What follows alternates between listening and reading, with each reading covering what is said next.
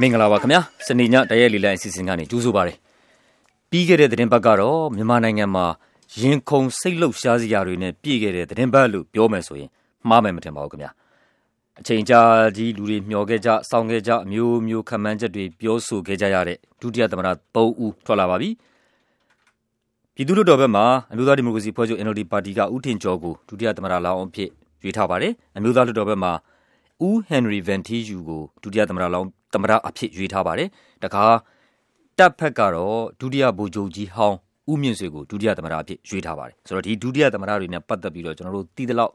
ဒီညဆွေးနွေးကြဖို့ပါ။ပင်နယ်ဆွေးနွေးပေးဖို့ဖိတ်ခေါ်ထားသူနှူးကမြမအရေးမပြတ်စောင့်ကြည့်လေ့လာရေးသားနေကြတဲ့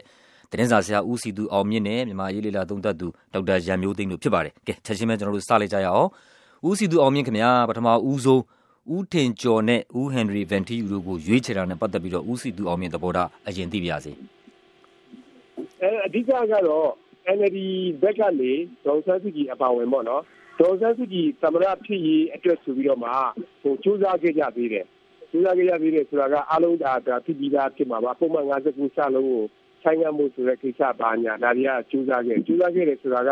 ဟိုတက်မတော်ကာကွယ်ရေးကျုံနဲ့တွေ့တယ်ညှိနှိုင်းတာတွေပါလုပ်တယ်အဲ့ဒါအစီအပြေသွားတယ်ဆိုရင်တော့ဟိုလွှတ်တော်မှာတင်ပြီးတော့လုပ်ဖို့ပေါ့နော်ဒါပေမဲ့ကျွန်တော်တို့ရတဲ့ဒါအတွင်းသတင်းတွေအရပါညာခံလုံတဲ့သတင်းတွေအရကတော့ ညှိနှိုင်းတာအဆင်မပြေဖြစ်ခဲ့တာပေါ့ဟုတ်ကဲ့အဆင်မပြေဖြစ်တဲ့အခါကျတော့ဟောဒေါ်ဆန်းစုကြည်ကလည်းအစိုးရအဖွဲ့ကိုဥဆောင်သွားမယ်ဆိုတာရှိတယ်သူလည်းတကယ်အဲ့လိုလုပ်သွားမယ်ဆိုတဲ့သဘောမျိုးဟိုတောက်လျှောက်ပြောဆိုခဲ့တာဆိုတော့အဲ့တော့သူတို့ပြင်ရမယ့်သမရတွေဒုသမရတွေဆိုတဲ့ဟာကအထူးသဖြင့်သမရပေါ့ဒီသမရကဒေါ်ဆန်းစုကြည်ကအစိုးရအဖွဲ့ကိုဥဆောင်သွားနိုင်မှုအတွက်ကို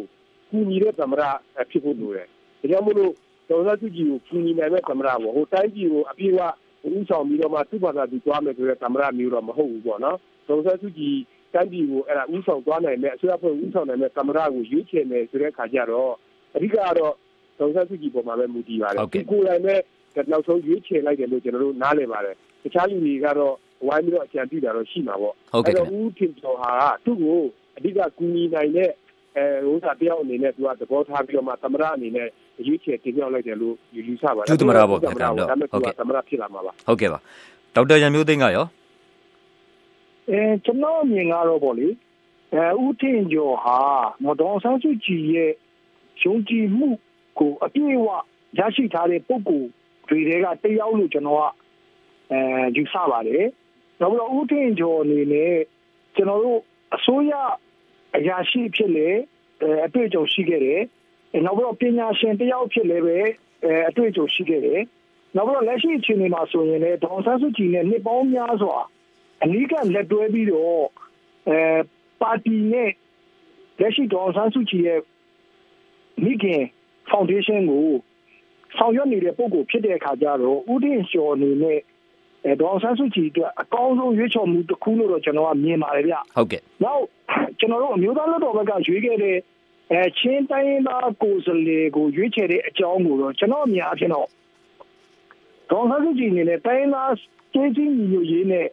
အမျိုးသားပြန်လည်တည်မြဲရေးကိုဥတီပြီးတော့မြန်မာနိုင်ငံရဲ့နိုင်ငံရေးသမိုင်းမှာတခါမှ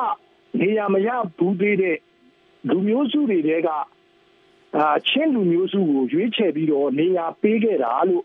ကျွန်တော်ကသုံးသပ်ပါတယ်ဟုတ်ကဲ့နောက်တစ်ချက်ဟိုခုနဆွေးနွေးတဲ့အထက်မှာကျွန်တော်အမြင်အားဖြင့်တော့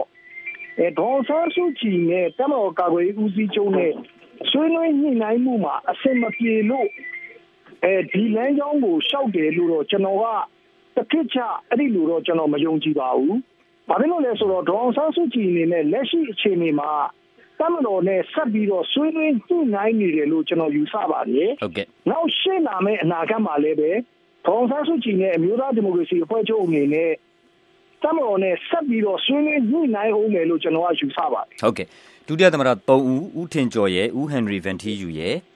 ဦးမြင့်ဆွေရန်ကုန်တိုင်းဝန်ကြီးချုပ်ဒုတိယဗိုလ်ချုပ်ကြီးဟောင်းဦးမြင့်ဆွေရဆိုတော့ဒီ၃ယောက်ထဲမှာဦးထင်ကျော်နဲ့ဦးဟန်နရီဗန်တီယူကိုရွေးချယ် NLD ဘက်ကရွေးချယ်တာနဲ့ပတ်သက်ပြီးတော့တကယ်တကယ်ပြောရရင်တိတ်ပြီးအငင်းပွားစရာအတန်တွေကျွန်တော်တို့မကြားပါဘူး ကျွန်တော်တို့စီကိုသောရရှင်တွေရဲ့ပြီးပို့တဲ့ဆွေးနွေးချက်တွေရောဟလာတခြားသတင်းရေးသားချက်တွေမှာရောအဓိကအခုလောလောဆယ်မှာဟလာ hot zone သတင်းလို့ပြောရရင်တော့ဒုတိယဗိုလ်ချုပ်ကြီးဟောင်းမြင့်ဆွေကိုတပ်ဖက်ကရွေးချယ်တဲ့ကိစ္စပါဆိုတော့အဲ့ဒီအကြောင်းကိုကျွန်တော်တို့နောက်ပိုင်းမှာနည်းနည်းအချိန်ပေးပြီးတော့ကျွန်တော်တို့တိကျဆွေးနွေးသွားပါမယ်ကျွန်တော်တို့စီကိုကျွန်တော်တို့ Facebook စာမျက်နှာမှာမှတ်ချက်ပေးထားတဲ့သောရရှင်တွေကလည်းပဲအမေစုရွေးပေးတဲ့သူကိုမသိရခင်ကတည်းကယုံကြည်ပြီးသားပါအခုလိုသိလိုက်ရတော့မပြောတတ်အောင်ဝမ်းသာပါတယ်တကယ်အရေးချင်းပြင့်ပြီးတဲ့ပုံကိုပါမြန်မာပြည်အနာဂတ်အတွက်ဝမ်းသာမိပါတယ်လို့ဒူးကရေးပါတယ် နောက်ဒူးကအယက်သားအစိုးရသမ္မတတွေကိုရွတ်ထုတ်ပေးခဲ့တဲ့အမေစုကိုယုံကြည်ပြီးသားဖြစ်လို့သမ္မတနဲ့ဒုသမ္မတတို့ဟာဖခင်ရဲ့သမိုင်းကိုကိုယ်တိုင်စွန့်အောင်ရေးနေတဲ့အမေစုကိုဝိုင်းဝန်းကူညီပေးခြင်းဖြင့်မိမိတို့ရဲ့ကောင်းသမိုင်းတွေကိုရေးသားဖော်ဆောင်ကြပါလို့တိုက်တွန်းအကြံပြုပါတယ်ဆိုပြီးတော့ဒုသမ္မတသမ္မတတွေကိုတိုက်တွန်းထားပါတယ်နောက်ကျွန်တော်တို့အမေရိကန်ပြည်ထောင်စုကသောတာရှင်မောင်တသနာကလည်းပဲဒုသမ္မတလောင်းတွေရွေးချယ်ရေးနဲ့ပတ်သက်ပြီးတော့စစ်ကောင်းဆောင်တွေအဆိုပြုမဲ့သူတွေကိုပြည်သူအများစုကစိတ်ဝင်စားပါဘူးတဲ့မရှိတဲ့အကြောင်းရင်းက ပြည်သူကိုကိုစားပြုတဲ့သူတွေမဟုတ်တဲ့ပြင်သူတို့ရဲ့အသက်အိုးအိမ်စီးစိမ်ဘဝလုံခြုံမှုတဲ့အခွင့်အာဏာကာကွယ်ရေးအတွက်ဥတီလှုပ်ဆောင်မယ်ဆိုတာယုံကြည်ထားပြီးသားဖြစ်နေလို့ပါတဲ့ပြည်သူတွေစိတ်ဝင်စားတာကောဒေါ်ဆန်းစုကြည်ကစစ်စစ်ရွေးချယ်လိုက်တဲ့ဦးထင်ကျော်နဲ့ဦးဟန်နရီတို့နှစ်ဦးဖြစ်ပါတယ်တဲ့။ဘာကြောင့်လဲဆိုရင်သူတို့နှစ်ဦးရဲ့ကိုအေးရာဆိုရင်အချင်းချုပ်ကိုပြည်သူတွေတီးခွင့်ရတဲ့အပြင်သမရယာရုအရေးချင်းတွေနဲ့ပါပြည့်မီနေလို့ပါတဲ့အထူးသဖြင့်ဦးထင်ကျော်နဲ့ဦးဟန်နရီတို့နှစ်ဦးဟာတိုင်းပြည်နဲ့လူမျိုးပေါ်အမှန်တကယ်တစ္ဆာစောင့်တည်မှာတန်တရားဖြစ်เสียမရှိတဲ့အတွက်လူဒူးတစ်ဖွဲ့ပေါ်တစ္ဆာခံမဲ့ဒုသမရနဲ့တော့ မိုးနဲ့မြေလိုကွာခြားနေမှာအမှန်ပဲလို့ယူဆမိပါတယ်တဲ့အဲ့ဒါကမောင်တက်တနာပါတခါဖားကန်ကကိုမျိုးအောင်က NLD ကတင်တဲ့ဒုသမရနှစ်ဦးကိုသဘောကျပါတယ်ဆိုရင်နောက်တစ်ခုကသမရဖြစ်လာမဲ့ဦးတင်ကျော်ဟာအကြောင်းတစ်ခုခုကြောင့်သမရနေရာမှာမရှိရင်ဒုသမရတက်ဟာ NLD ကတင်မြောက်တဲ့သူဖြစ်ဖို့ကောင်းပါတယ်ဦးတင်ကျော်အကြောင်းတစ်ခုခုကြောင့်အနားယူသွားရင်ဒုသမရတက်ကသမရဖြစ်လာမှာမို့ပါဦးမြင့်ဆွေလိုလူမျိုးသမရဖြစ်လာရင်ဦးသိန်းစိန်လက်ထက်ကတည်းဘာမှထူလာမှာမဟုတ်ဘူးလို့ထင်မိကြောင်းပါတဲ့ဒါကဖားကန်ကကိုမျိုးအောင်ရဲ့ဆွေးနွေးချက်ပါဆိုတော့ဒီဆွေးနွေးချက်တွေဟာ ဦးထင်ကျော်တို့ဦးဟန်နရီတို့ကိုရွေးချယ်တာနဲ့ပတ်သက်လို့အငင်းပွားစရာမရှိပါဘူးလူတို့ကသဘောကျပါတယ်လက်ခံပါတယ်အငင်းပွားစရာရွေးချယ်ချက်တစ်ခုရှိနေပါတယ်ဒါရဲ့ဆွေးနွေးမဲ့သောရရှင်တူကိုကျွန်တော်အရင်ဆုံးဖိတ်ခေါ်ပါမယ်ဆလိုင်းပွေကုန်းမှာဆလိုင်းပွေကုန်းကကိုယ်တိုင်ကချင်းမျိုးသားတူဖြစ်ပါတယ်သောရရှင်တို့ဂျိုဒီမီအတိပေးချင်တာကဆလိုင်းပွေကုန်းဟာအခုဒုသမရတူအဖြစ်ရွေးချယ်ထားတဲ့ဦးဟန်နရီဗန်တီယူနဲ့ယင်းနီးသူနီးစပ်သူဖြစ်ပါတယ် ဆလိုင်းပွေကုန်းဦးဟန်နရီဗန်တီယူကိုအခုလိုရွေးချယ်လိုက်တဲ့အပေါ်မှာဆလိုင်းပွေကုန်းကိုယ်တိုင်ကချင်းတိုင်းရင်းသားဖြစ်တဲ့အခါကျတော့ဘယ်လိုများခံစားမိပါသလဲအော်ဟုတ်ကဲ့ဟိုချင်းတိုင်းသားတယောက်အနေနဲ့အဝမ်းသာပါတယ်ဆိုတဲ့ဥစ္စာတော့ထားလိုက်အောင်သူရွေးချယ်တဲ့ဥစ္စာကတော့ဘယ်သူဘယ်သူပဲဖြစ်ဖြစ်ကျွန်တော်တို့ကတော့နိုင်ငံရေးကောင်းလာအောင်နောက်ပြီးတော့မြန်မာနိုင်ငံရေးကောင်းလာအောင်ကျွန်တော်တို့အဓိကအာရုံထားပြီးတော့မှကျွန်တော်တို့ဟိုအ ဖြစ်ဖြစ်နေတာပေါ့နော်။ဘာလဲချစ်မျိုးသားဖြစ်လို့ဘာဖြစ်လို့ညဖြစ်လို့ဆိုတာတော့ကျွန်တော်တို့နိုင်ငံရေးတမတရောအနေနဲ့တော့အဲ့လောက်တော့ဟိုဟိုမှတ်ချက်ပေးချင်ပါဘူးဗျာ။ဟုတ်ကဲ့ဆိုတော့ဆလိုင်းပွေကုန်းသိထားသလားဦးဟန်နရီဗန်ဒီယူသည် NLD ပါတီကိုအခုရွေးကောက်ပွဲမတိုင်ခင်မှာဝင် NLD ပါတီရဲ့ကိုယ်စားလှယ်အဖြစ်နဲ့လွတ်တော်ကိုယ်စားလှယ်လောင်းအဖြစ်နဲ့ရွေးကောက်ပွဲဝင်အရင်အရင်ကဘလို့နိုင်ငံရေးပါတီမျိုးမှမပတ်သက်ခဲ့ဘူးမလုပ်ခဲ့ဘူးပေါ့ဟုတ်လားဆလိုင်းပွေကုန်းဟုတ်ပါတယ်ဆရာဟုတ်ကဲ့ဟုတ်ကဲ့ဆရာဟုတ်ပါတယ် ဟုတ်ကဲ့နောက်တစ်ခုကအခုကသမရရွေးချယ်စစ်စစ်အဖွဲ့ကနေပြီးတော့ဒါစစ်စစ်ရွေးချယ်တဲ့ကိစ္စတွေလုပ်နေပြီဆိုတော့ဦးဟန်နရီဗန်ဒီယူကပြောရမယ်ဆိုရင်တော့ဒီမတိုင်ခင်တုန်းကဘယ်သူမှသိမထားတဲ့ထင်မထားတဲ့ဒါဟိုလူတယောက်ဖြစ်နေတယ်သမရဒုသမရလောင်ရွေးမြတ်ထဲမှာပါမယ်လို့ဘယ်သူမှတွက်ထားတဲ့ထဲမှာမပါဘူးဆိုတော့ဦးဟန်နရီဗန်တီယူဒီစစ်စစ်ရွေးချယ်ရမှာတတ်မှတ်ထားတဲ့တတ်မှတ်ချက်တွေနဲ့ကိုက်ညီပြီးတော့စစ်စစ်ရွေးချယ်တဲ့ဟာကိုအောင်မြင်ပြီးလိမ့်မယ်လို့ရောဇလိုင်းဘွေကိုယုံကြည်သလားအာယုံကြည်ပါတယ်ဟောခတ်တူတူပြောရရင်လည်းဆိုရင်တော့ကျွန်တော်ယုံကြည်ပါတယ် ဟုတ်ကဲ့ဇလိုင်းဘွေကိုကျေးဇူးအများကြီးတင်ပါတယ်ကျွန်တော်တို့အခုဆက်ပြီးတော့ဟလာမတိုင်ခင်မှာကျွန်တော်နောက်ထပ်သောတာရှင်တူတခါတည်းဖိတ်ခေါ်လိုက်အောင်ပါဇလွန်မျိုးကဦးတန်းအောင်ကဲဦးတန်းအောင်ဒုသမရ3ဦးရွေးချယ်ထားတဲ့ပုံဦးတန်းအောင်သဘောထားဘယ်လိုရှိပါလဲဟုတ်ကဲ့ကျွန်တော်အခုကျွန်တော် NLD ဘက်ကရွေးချယ်ထားတဲ့ဟာတော့ကျွန်တော်အရန်ကိုကြိုးဆိုပါတယ်လေးလက်လေးစားတဲ့ပုံကိုကြီးဖြစ်တဲ့အတွက်မို့လို့ပါခင်ဗျာဟုတ်ကဲ့အမေစုကိုသမရဖြစ်ဖို့မရတဲ့အတွက်တော့ကျွန်တော်တော်တော်လေးကြေခွေးရပါတယ်ခင်ဗျာ ဟုတ်ကဲ့ခင်ဗျာဟုတ်ကဲ့ဦးတန်းအောင်လို့မြန်မာလူထုတွေမဲဆန္ဒရှင်တွေအများကြီးပဲရှိလိမ့်မယ်လို့ကျွန်တော်ယူဆပါတယ်မောင်ဝင်းဟန်ကျေးဇူးတင်ပါတယ်ဦးတန်းအောင်မောင်ဝင်းဟန်အင်းလေးဆိုတဲ့သောတာရှင်ကတမ်မတော်သားကိုယ်စားလှယ်အစုအဖွဲ့ကဒုတိယသမ္မတယာရုရွေးချယ်တာမှာဒုတိယဗိုလ်ချုပ်ကြီးဟောင်းဦးမြင့်ဆွေကိုရွေးချယ်တာနဲ့ပတ်သက်ပြီးတင်ပြချင်တာကလက်ရှိတမ်မတော်ခေါင်းဆောင်တွေဟာတပည့်ရင်လူသက်ကွင်းအဖြစ်ဆိုးကြီးကိုစနစ်တကျစီမံကုတ်ကဲညွှန်ကြားခဲ့တဲ့ဆီယနာရှင်ဟောင်းတွေရဲ့လောင်းရီအောက်ကယုံထွက်နိုင်ခြင်းမရှိသေးဘူး နောက်တစ်ချက်ကအာဂရိတရားနဲ့အကျင့်ပြတ်ချစားသူဗိုလ်ချုပ်ဟောင်းတွေနဲ့ဝူးဝင်းနေလူတဲ့စန္ဒရှိရလားဆိုတာတန်တရားပွားစရာတွေရှိတယ်လို့ပြောရမယ်ထင်တယ်။ဘာကြောင့်လဲဆိုဦးမြင့်ဆွေဟာနာမည်ဆိုးနဲ့ကြော်ကြားသူဖြစ်တဲ့အပြင်အမေရိကန်ကပိတ်ဆို့ခံရသူတွေတဲ့တဦးအပါဝင်ဖြစ်ပြီးတော့အာဂရိလိုက်စားမှုတွေအကျင့်ပြတ်ဗိုလ်ချုပ်တွေဆင်းထဲမှာထိတ်ဆုံးကပါနေပြီးသဘောထားတင်မှသူအဖြစ် 2009ခုနှစ်ရှူဝါရောင်ဒေါ်လာရင်းကာလ ဖိနှိပ်တပ်ဖြတ်မှုတွေမှာ အဓိက တာဝန်ရှိသူဖြစ် ပြီးခဲ့တဲ့နှစ် မတ်လက တက်ကြွလှုပ်ရှားသူចောင်းသားတွေကို အရက်ဝတ် လက်ပတ်နေ လူရန်ကားတွေရဲ့ ရိုက်နှက် စော်ကားမှုတွေနဲ့ ပတ်သက်ပြီး အဓိက တာဝန်ရှိသူအဖြစ် အများက ပြောနေတဲ့ကြားက ဦးမြင့်ဆွေကို ဒုတိယသမ္မတအဖြစ် ရွေးချယ်လိုက်လို့ပါမယ်လို့ ပြောရမယ်ထင်ပါတယ်ဆိုပြီး မောင်ဝင်းဟန် အင်းလေးက အီးမေးလ်နဲ့ ပေးပို့ပြီးတော့ ဆွေးနွေးထားပါတယ် ဆိုတော့ ဦးစီသူအောင်မြင့်ဦးစီသူအောင်မြင့်ကိုယ်တိုင်ရော ဦးမြင့်ဆွေကို တပ်ဖက်က တင်တာနဲ့ ပတ်သက်ပြီး ဘယ်လို သဘောထား အရင်ဆုံး ဖြစ်ခဲ့တယ်လဲ အဲဦးမြင့်ဆွေကိုတင်တာနဲ့ပတ်သက်လို့ကျွန်တော်နားလေတော့ပြောရမယ်ဆိုရင်ကျွန်တော်တို့အမြဲပြောလို့ပြောထားရှိပါတယ်အခုဒီတမတော်ဘက်ကတင်တဲ့ဒုသမရဆိုတဲ့ဟာကဟိုကျွန်တော်တို့နားလေတော့ဟိုတချို့တွေကပြောကြတယ်ပေါ့နော်ဒါတမတော်ကာကွယ်ဦးစီးချုပ်ဗိုလ်ချုပ်မူကြီးမင်းအောင်လှိုင်ကသူ့သဘောနဲ့တင်လိုက်ရင်ပြီးတာပဲဘယ်လိုပါညာပေါ့နော်ဒါပေမဲ့တကယ်တကယ်ကြတော့ဒီဗိုလ်ချုပ်မူကြီးမင်းအောင်လှိုင်ဆိုတာကလက်ရှိတမတော်ရဲ့ခေါင်းဆောင်တွေမကဘူးအခုလောဆယ်သူရောက်နေတဲ့အနေအထားကအရင် ရောက်အများကြီးရှိလာတဲ့ဒီအရင်ကရှိသွားတဲ့ဒီအာနာရှင်ဟောင်းတွေရောအဲ့ဒီပူချုပ်ဟောင်းတွေရောအကုန်လုံးရဲ့ခေါင်းဆောင်ရဲ့နေရာသဘောမျိုးမှာသူကရောက်နေတယ်ရောက်နေတဲ့ခါကျတော့အခုဒီအာနာအပြောင်းလဲဆိုတဲ့ဟာက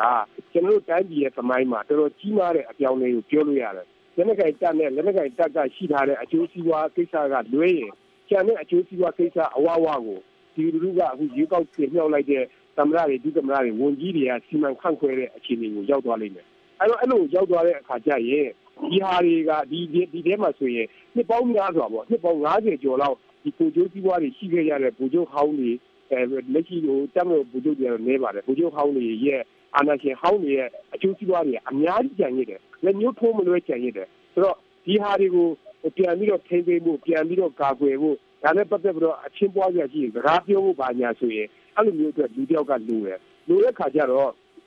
လက်ရှိကျွန်တော်တို့နားလည်ရသလောက်ကဥပမာရန်ကုန်တိုင်းဝန်ကြီးချုပ်နေရာအတွက်ကိုတမတော်ဘက်ကဟိုတောင်းတာကိုဒေါက်ဆန်းစီကြီးဒါခွင့်ပြုခဲ့ခြင်းမရှိဘူးဆိုတဲ့ဟာကိုလည်းကျွန်တော်တို့သိရတယ်။ဘာဖြစ်လို့လဲဆိုတဲ့ခါကျတော့ဒေါက်ဆန်းစီကြီးကတော့ဒီအာဂရိလိုက်စားမှုတွေဘာတွေကိုကင်းအောင်လုပ်မယ်ဒါသူပေချာကောင်းအောင်လုပ်မယ်ဆိုတဲ့အနေအထားမျိုးရှိတာပေါ့။အဲဒီတော့ဒီဒီတမတော်ဘက်ကနေပြီးတော့မှခုနကတော့စစ်ကောင်းဆောင်တွေအကုန်လုံးကိုကိုစားပြုပြီးတော့မှသူတို့ရဲ့အကျိုးစီးပွားတွေဘာတွေကာကွယ်ဖို့ဆိုရင်ဒါလူတယောက်ကလိုလာတယ်။အဲ့ဒီကဘယ်သူဖြစ်မလဲ။ဒီနေ့ကာလပဲယူနီဖောင်းချွတ်ပြီးတော့မှ ဒုသမ္မတတာဝန်ယူရဲဆိုရင်အဲ့ဒီကဒီဒီဒီပြဿနာတွေဘာမှသိမှာမဟုတ်ဘူးအဲ့တော့အဲ့ဒီမှာခြားနာတာဘုချုပ်ဒီဘုချုပ်ကြီးမစ်ဆွေဆိုတဲ့ဟာကအရင်ဆရာနာရှင်ဘုချုပ်မူကြီးတို့တန်းချွေတို့လက်ထက်ကလေးကကိုတာဝန်အများကြီးယူခဲ့တယ်ဒီအချိုးစီးပွားကိစ္စတွေထဲထဲဝင်ဝင်ပါဝင်ခဲ့တယ်ပတ်သက်ခဲ့တယ်သိခဲ့တယ်နားလည်ခဲ့တယ်ဆိုတဲ့ခါကျတော့သူဟာသူ့ကိုတာဝန်ပေးခြင်းအဖြစ်ဒီဟာတွေကိုကြိုက်တွေ့နိုင်လိမ့်မယ်လို့ယူဆထားဖို့ပေါ်တယ်နောက်တစ်ခုကအခုဆိုရင်ဝန်ကြီးဌာနဌာနဆိုင်ရာအသီးသီးမှာ စစ်ဖို့ဟောင်းနေအများကြီးနေရာယူရတယ်အတင်းဝင်နေဆိုရင်လည်းအများစုကဒါစစ်ဖို့ဟောင်းနေကြီးတယ်ဒါကျွန်တော်သိတယ်အဲ့ဒီဟာတွေကိုဩဇာညောင်းမှုဆိုရင်လည်းဒီကတော့ဒီဘူကြီးမစ်ဆွေရဆိုရင်ဩဇာညောင်းနေကြညောင်းနေပြီးသားဖြစ်တယ်ဆိုတဲ့အခါကျတော့သူ့ကိုအဲ့ဒီကိစ္စတွေအတွက်ကိုဟိုတာဝန်ပေးတယ်လို့ပဲကျွန်တော်ထင်ပါတယ်ဟုတ်ကဲ့ဟိုဩဇာညောင်းတာတော့ထားပါတော့ခင်ဗျာဟိုပြည်သေးရေးဆိုတာလည်းပဲဟလာပြဿနာတွေအများကြီးပြောရရင်နာမည်ပြက်တွေအများကြီးပြည်ဟိုရဲပဲဖြစ်ဖြစ်ဟိုကျွန်တော်တို့ထွေထွေအုပ်ချုပ်ရေးပဲဖြစ်ဖြစ်အဓိကလူလူနဲ့ဆက်ဆံရတဲ့ဌာနတွေက အဲ့ဒီနာမည်ပြက်နေတဲ့ဟလာတကယ့်ကိုပြုပြင်ပြောင်းလဲရေးလုပ်ဖို့လိုနေတဲ့အုပ်ချုပ်ရေးရန်တရားကြီးကိုဦးမြင့်ဆွေလိုလူမျိုးကလုံနိုင်ပါမလားဦးစီတူအောင်မြင်သူကပြုပြင်ပြောင်းလဲလုပ်ဖို့ဆိုတဲ့ရည်ရွယ်ချက်နဲ့သူ့ကိုထည့်တာမဟုတ်ဘူးခုနကကျွန်တော်ပြောရပြီးမှရိုးရှင်းပါတယ်ဒီကျွန်တော်တိုင်းပြည်မှာနိုင်ငံရေးဆိုတာနိုင်ငံရေးကြီးရဲ့တက်တက်ကျွန်တော်တို့ကတော့မကြည့်ပါဘူးကျွန်တော်ကတော့မကြည့်ပါဘူးကျွန်တော်ကြည့်တာနိုင်ငံရေးဆိုတာဒီအကျိုးစီးပွားရဲ့ဟိုလက်ခံပါပဲအာဏာတွေဘာဖြစ်လို့ဒီ လောက်တော့မှရယူထားကြတယ်နှစ်ပေါင်း90ကျော်ဆရာနာရှင်တွေကဘာလို့ထုတ်ကင်ထားကြတယ်ဆိုတော့အကျိုးစီးပွားကိစ္စပါကိုကျိုးစီးပွားကွန်ပျူတာစုအကျိုးစီးပွားဒါကိုနဲ့မိဆက်သူတွေအကျိုးစီးပွားဒီအတွက်ကိုလုပ်တယ်ဆိုတာဒါလုံးဝထင်ရှားနေတဲ့ကိစ္စပါအားလုံးကချမ်းသာကြတယ်ကြွယ်ဝကြတယ်တိုက်ပြည်ကတော့ဆင်းရဲမွေးတည်သွားတယ်အဲ့ဒီအတွက်ကိုဒါနောက်ဆုံးအချိန်မှာအပြောင်းလဲဖြစ်လာတာတော့မှန်ပါရဲ့ဒါပေမဲ့ဒီအပြောင်းလဲတဲ့မှာမှပြန်ပြီးတော့မှကာကွယ်ခြင်းနဲ့ပြန်ပြီးတော့ဟိုထိမ့်သိမ်းခြင်းနဲ့ဆိုတဲ့အနေအထားမျိုးတွေကြောင့် ဒါကိုခန့်လိုက်တယ်လို့ကျွန်တော်ထင်ပါတယ်ဒါကကျွန်တော်ရှင်းရှင်းလင်းလင်းမြင်တာပါဘာမှဒါတိုင်းပြည်ကိုပြည်ပြည်ကြောင်းလေးကိုရှေ့ကိုသွားဖို့လို့ဘာလို့ညာတော့မဟုတ်ဘူးဆိုတာဘာလို့ဘာဖြစ်လို့လဲဆိုတော့ဒါတိကျကြီးဆိုတာရန်ကုန်တိုင်းဝန်ကြီးချုပ်လုပ်ကြတာ9နှစ်ပူပူလေးလေးပဲရှိပါသေးတယ်သူဘာလို့လုပ်သွားတယ်ဆိုတာအားလုံးသိပါတယ်သူကပြည်ကြောင်းလေးသမားတယောက်မဟုတ်ပါဘူးဟုတ်ကဲ့ဒီကိုကြီးစီးပွားတွေဟိုလုပ်နေတဲ့လူတွေနောက်ပြီးတော့ကိုကြီးစီးပွားလုပ်နေတဲ့ဟာတွေကိုကာကွယ်တဲ့လူပဲဆိုတော့ကျွန်တော်တို့ရှင်းရှင်းလင်းလင်းမြင်နေပြီးသားပါပဲဟုတ်ကဲ့ဒေါက်တာရမျိုးသိန်းဦးဘုဒ္ဓဦးမြင့်ဆွေရဲ့မိသားစုဝင်တူကဟလာနိုင်ငံသား ခံယူထားတယ်ဆိုပြီးတော့ပြီးခဲ့တဲ့တစ်ချိန်တုန်းကသူ့ကိုတင်လို့လုပ်ပြီးတော့မတင်မဲထားလိုက်တယ်အဲ့ဒီအချက်ရှိတယ်တခါအမေရိကန်ကနေပြီးတော့တူးချင်းပေါ့လူတူးချင်းစီကိုဟိုတုန်းကလို့အစိုးရတစ်ဖွဲ့လုံးတစ်နိုင်ငံလုံးကမဟုတ်ဘဲနဲ့တူးချင်းစီကိုဥတီပြီးတော့ဟလာဟို blacklist ပေါ့လေဒီဥစ္စာကတန်ခတ်ရေးယူထားတဲ့စင်ထဲမှာပါနေလို့မဲရှိသေးတယ်ခုနနိုင်ငံသားမိသားစုဝင်နိုင်ငံသားခံယူထားတဲ့ကိစ္စဟလာဒီအမေရိကန်ရဲ့တန်ခတ်ရေးယူထားတဲ့စင်းထဲမှာပါနေသေးတဲ့ကိစ္စဒီနှစ်ချက်စလုံးရှိနေထားပြီးသားလူကိုတပ်ဖက်ကတင်လိုက်တယ်ဆိုတာက အမေရိကန်ကိုရောဒေါအောင်ဆန်းစုကြည်ကိုပါတတွေးဆွတ်လိုက်တယ်လို့ပြောလို့မရဘူးလားအဲသူကတော့အဲတနည်းအားဖြင့်ပြောရင်တော့ဗောလေဟိုစိန်ခေါ်လိုက်တဲ့သဘောတော့ရှိတယ်ဗျအဲနောက်တစ်ပတ်ကကြည့်ရင်ပေါ့လေအဲပထမတစ်ချိန်ကျွန်တော်တို့ပြန်ထုံးကိုဒုတိယသမရမတင်ခင်လုံးကအာဒီဦးမြင့်ဆွေကိုဒုတိယသမရတင်မှုကြိုးစားခဲ့တယ်ဒါပေမဲ့အဲ့ဒီအချိန်တွေကဒီဦးမြင့်ဆွေကို နောက်တစ်ချိန်မှာဒုတိယသမရနေရာကိုတင်မှုအတွက်ကြိုတင်ပြင်ဆင်ပြီးတော့တတ်မှတ်ထားခဲ့တဲ့သဘောမျိုးရှိတယ်လို့လည်းကျွန်တော်ကသုံးသပ်တယ်ဗျဟုတ်ကဲ့အဲ့ဒီအတွက်ကြောင့်မလို့ဒီဦးမြင့်ဆွေရဲ့ဒီတားနဲ့ပတ်သက်တဲ့ဒီနိုင်ငံသားဖြစ်မှုအထောက်အထားတွေကိုအားလုံးပြင်ဆင်ပြီးတဲ့ကာလအဲအခုလိုအခြေအနေမျိုးကြတော့မှတပ်ဖက်ကနေပြီးတော့ဦးမြင့်ဆွေကိုဒုတိယသမရအဖြစ် ပြန်ပြီးတော့အဆိုပြုတာလို့ကျွန်တော်ကနားလေတယ်အဲနောက်တစ်ခုနောက်တစ်ခုအနေနဲ့ကျွန်တော်တို့ကဘာကိုကြည့်ရမလဲဆိုတော့ကျွန်တော်အများအဖြစ်တော့ဟို2015ရွေးကောက်ပွဲမှာဦးမြင့်ဆွေကလည်းပဲဝင်ပြီးတော့ပြိုင်ခဲ့တယ်နော်ငါးနှစ်သူဝင်ကြီးချုပ်တာဝန်ထမ်းဆောင်ခဲ့တယ်အခုရွေးကောက်ပွဲမှာဝင်ပြိုင်တော့သူခွက်ခွက်လာအောင်ရှုံးခဲ့တယ်အဲ့ဒီသဘောကဘာပြလဲဆိုတော့သူ့ကိုပြည်သူလူထုကလုံးဝမလိုချင်ဘူးပြည်သူလူထုတော်တော်ရမျိုးသိတော်တော်ရမျိုးသိဦးမြင့်ဆွေကကျွန်တော်ဘာလို့စဉ်းစားမိလဲတော်တော်ရမျိုးသိဦးမြင့်ဆွေက တော်တော်ရမျိုးသိဦးမြင့်ဆွေကရွေးကောက်ပွဲဝင်ရလားရှားလားဦးမြင့်ဆွေကဦးမြင့်ဆွေကရွေးကောက်ပွဲဝင်ရလားတော်တော်ရမျိုးသိဟုတ်ကဲ့ရွေးကောက်ပွဲဝင်ခဲ့ပါလေဗျဟုတ်လားဘယ်နေရာဝင်တာလဲဟုတ်ကဲ့အခုစိတ်ကြီးခဏတို့ကနေဝင်ခဲ့ပါလေအော်ဟုတ်ပြီဟုတ်ပြီခုနတော်တော်ရမျိုးသိပြောတာတက်ကတလောက်ပဲလူရေးစရာရှားတာလားဟုတ်လားဟုတ်တယ်ဒီတမတော်ဘက်ကဗျာဒီလောက်ပဲလူရွေးစရာရှားလာပြီဗျာဒါဆိုရင်တော့တမတော်အနေနဲ့ပြည်သူလူထုနဲ့အဆင်ပြေဖို့လိုအပ်နေတယ်နော်ပြည်သူလူထုနဲ့ပို့ပြီးတော့ဆက်ဆံရေးကောင်းကြတယ် ပြည်သူလူထုရဲ့ဆန္ဒနဲ့အညီအလုံးလုံးချင်တယ်ဆိုရင်ကျွန်တော်အများအပြားပြည်သူလူထုကပူပူနွေးနွေးဟလာဟိုလက်မခံပါဘူးလို့ပြောတဲ့လူတယောက်ကိုဘာဖြစ်လို့ရွေးရတာဒါဆိုရင်တော့ခုနကဟာလာဦးစီတူအောင်မြင်ဦးစီတူအောင်မြင်ဆွေးနွေးသွားတဲ့အချက်တွေကပို့ပြီးတော့အခရာကြလိမ့်မယ်ထင်တယ်တော်တော်မျိုးသေးခဏလေးစောက်ခဏလေးစောက်ကျွန်တော်တို့တော်တော်ရှင်နောက်ထပ်နှစ်ယောက်ကြံသေးတယ်ကျွန်တော်တော်တော်ရှင်နေဆွေးနွေးချက်ကိုအရင်ဆုံးဆက်နားထောင်လိုက်ကြရအောင်နော်အရင်ဆုံးတော့ကိုဇာနီမောင်နယ်သာလန်ကကိုဇာနီမောင်ကိုဇာနီမောင်ဘယ်လိုသဘောရတယ်လဲဒီ လူလူတော့မျိုးသောတော်နေတမ်းတော့ကရွေးချယ်တော့ဒီဒုတိယသမဏတုံးနဲ့ကျွန်တော်အနေနဲ့တော့ဘလို့ပဲတိုက်ခံနေရှိရှိရှိဒီ NLD ကပဲဒါအဓိကအဓိကသမရတဲ့ပြန်ပါဒါပေမဲ့ဒါကေဆိုကလည်းညနေတော့သူကာလုံးကာလုံးနဲ့ဒီစစ်ဘုတ်တမသားလည်းညမှာဆိုတော့အဲ့ဒါကအဲ့ဒီတော့ကတော့ဒီ view ဟာတွေမဟာ view ဟာတွေဆိုတော့ NLD စိတ်ပိုင်းခေါင်းဆောင်တွေမှာရှိနေပါလိမ့်မယ်ဟုတ်ကဲ့ဟုတ်ကဲ့ကိုဇာနီမောင်ကျေးဇူးအများကြီးတင်ပါတယ်နယ်သာလန်ကနေဆွေးနွေးတာအခုတစ်ခေါက်ကဆိုင်းအောင်ကျော်စန်းဆိုင်းအောင်ကျော်စန်းကရောဘယ်လိုသဘောရတယ်လဲတော့ရမြစ်ဆွေဟိုရွေးပေးလိုက်တဲ့အတွက်တကယ်တော့ကြောက်ရတော့ကဥထင်ကျော်ပဲကျွန်တော်သဘောကျဥထင်ကျော်ကသူကတိုင်းကျိုးပြည်ကျိုးဆောင်ရနိုင်မယ်အောင်ဆန်းစုဒေါ်ဆန်းစုကြည်လူလုံးတော်လည်းဖြစ်ပြန်တော့သူက တိုင်းပြည်ရဲ့အနာဂတ်ကိုဆောင်ရနိုင်မယ်လို့ကျွန်တော်ယူဆပါတယ်ခင်ဗျဟုတ်ကဲ့ပါဟုတ်ကဲ့ပါဆိုင်းအောင်ကျော်စန်းကျေးဇူးအများကြီးတင်ပါတယ်ကျွန်တော်တို့မိထီလာမျိုးကတောတာရှင်ဦးစိန်မောင်ကလည်းပဲခုန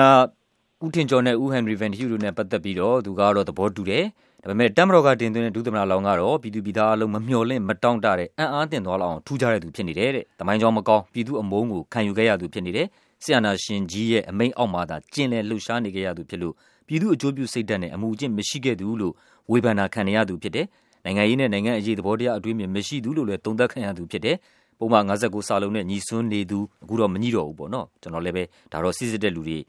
အလုပ်လို့ထင်ပါတယ်နာမည်ပြည့်စင်အသွင်းခံထားရသူလည်းဖြစ်နေတယ်လို့သိရတယ်ဒါကြောင့်အံ့ဩလောက်ဆရာဖြစ်ပြီးမသိတော်ဘူးလို့ထင်မြင်မိတယ်တဲ့ဒီပုဂ္ဂိုလ်တဲ့စာရင်ဒီသောတာရှင်ဦးစိန်မောင်အကြံပြုထားတာကသူရဦးဝေးမြင့်လို့ပုဂ္ဂိုလ်ကမှတင့်တော်အောင်မယ်လို့ထင်မိပါတယ်တဲ့ဦးစိန်မောင်ရဲ့သဘောထားပါ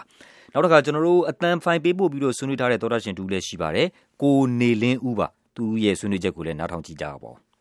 ဒီခန္ဓာအတွက်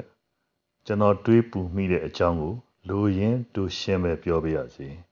ဒုတိယသမရ3ပေါ်ပေါက်လာပြီလျင်ပထမသမရကြီးဖြစ်မိသူမှာဥထင်ကျော်ဖြစ်ပြီးဒုတိယသမရမှာဥမြင့်ဆွေဖြစ်မိဧကံမလွဲပါကျွန်တော်ပြောချင်တဲ့အကြောင်းတစ်ခုက အင်အားကြီးတဲ့အဖွဲ့အစည်းတစ်ခုမှဥထင်ကျော်အားလုတ်ကြံတက်ဖြတ်လိုက်ပါလျင်ဥမြင့်ဆွေသည်အလိုအလျောက်သမရကြီးဖြစ်လာပါမည်အစိုးရဝန်ကြီးတွေကို ပြန်လည်ပြောင်းလဲဖွဲ့စည်းပြီးလိုက်ပါလျင်မြန်မာတနိုင်ငံလုံးသည်စွတ်ကြံဘဝသို့ပြန်လည်ရောက်ရှိသွားနိုင်ပါသည်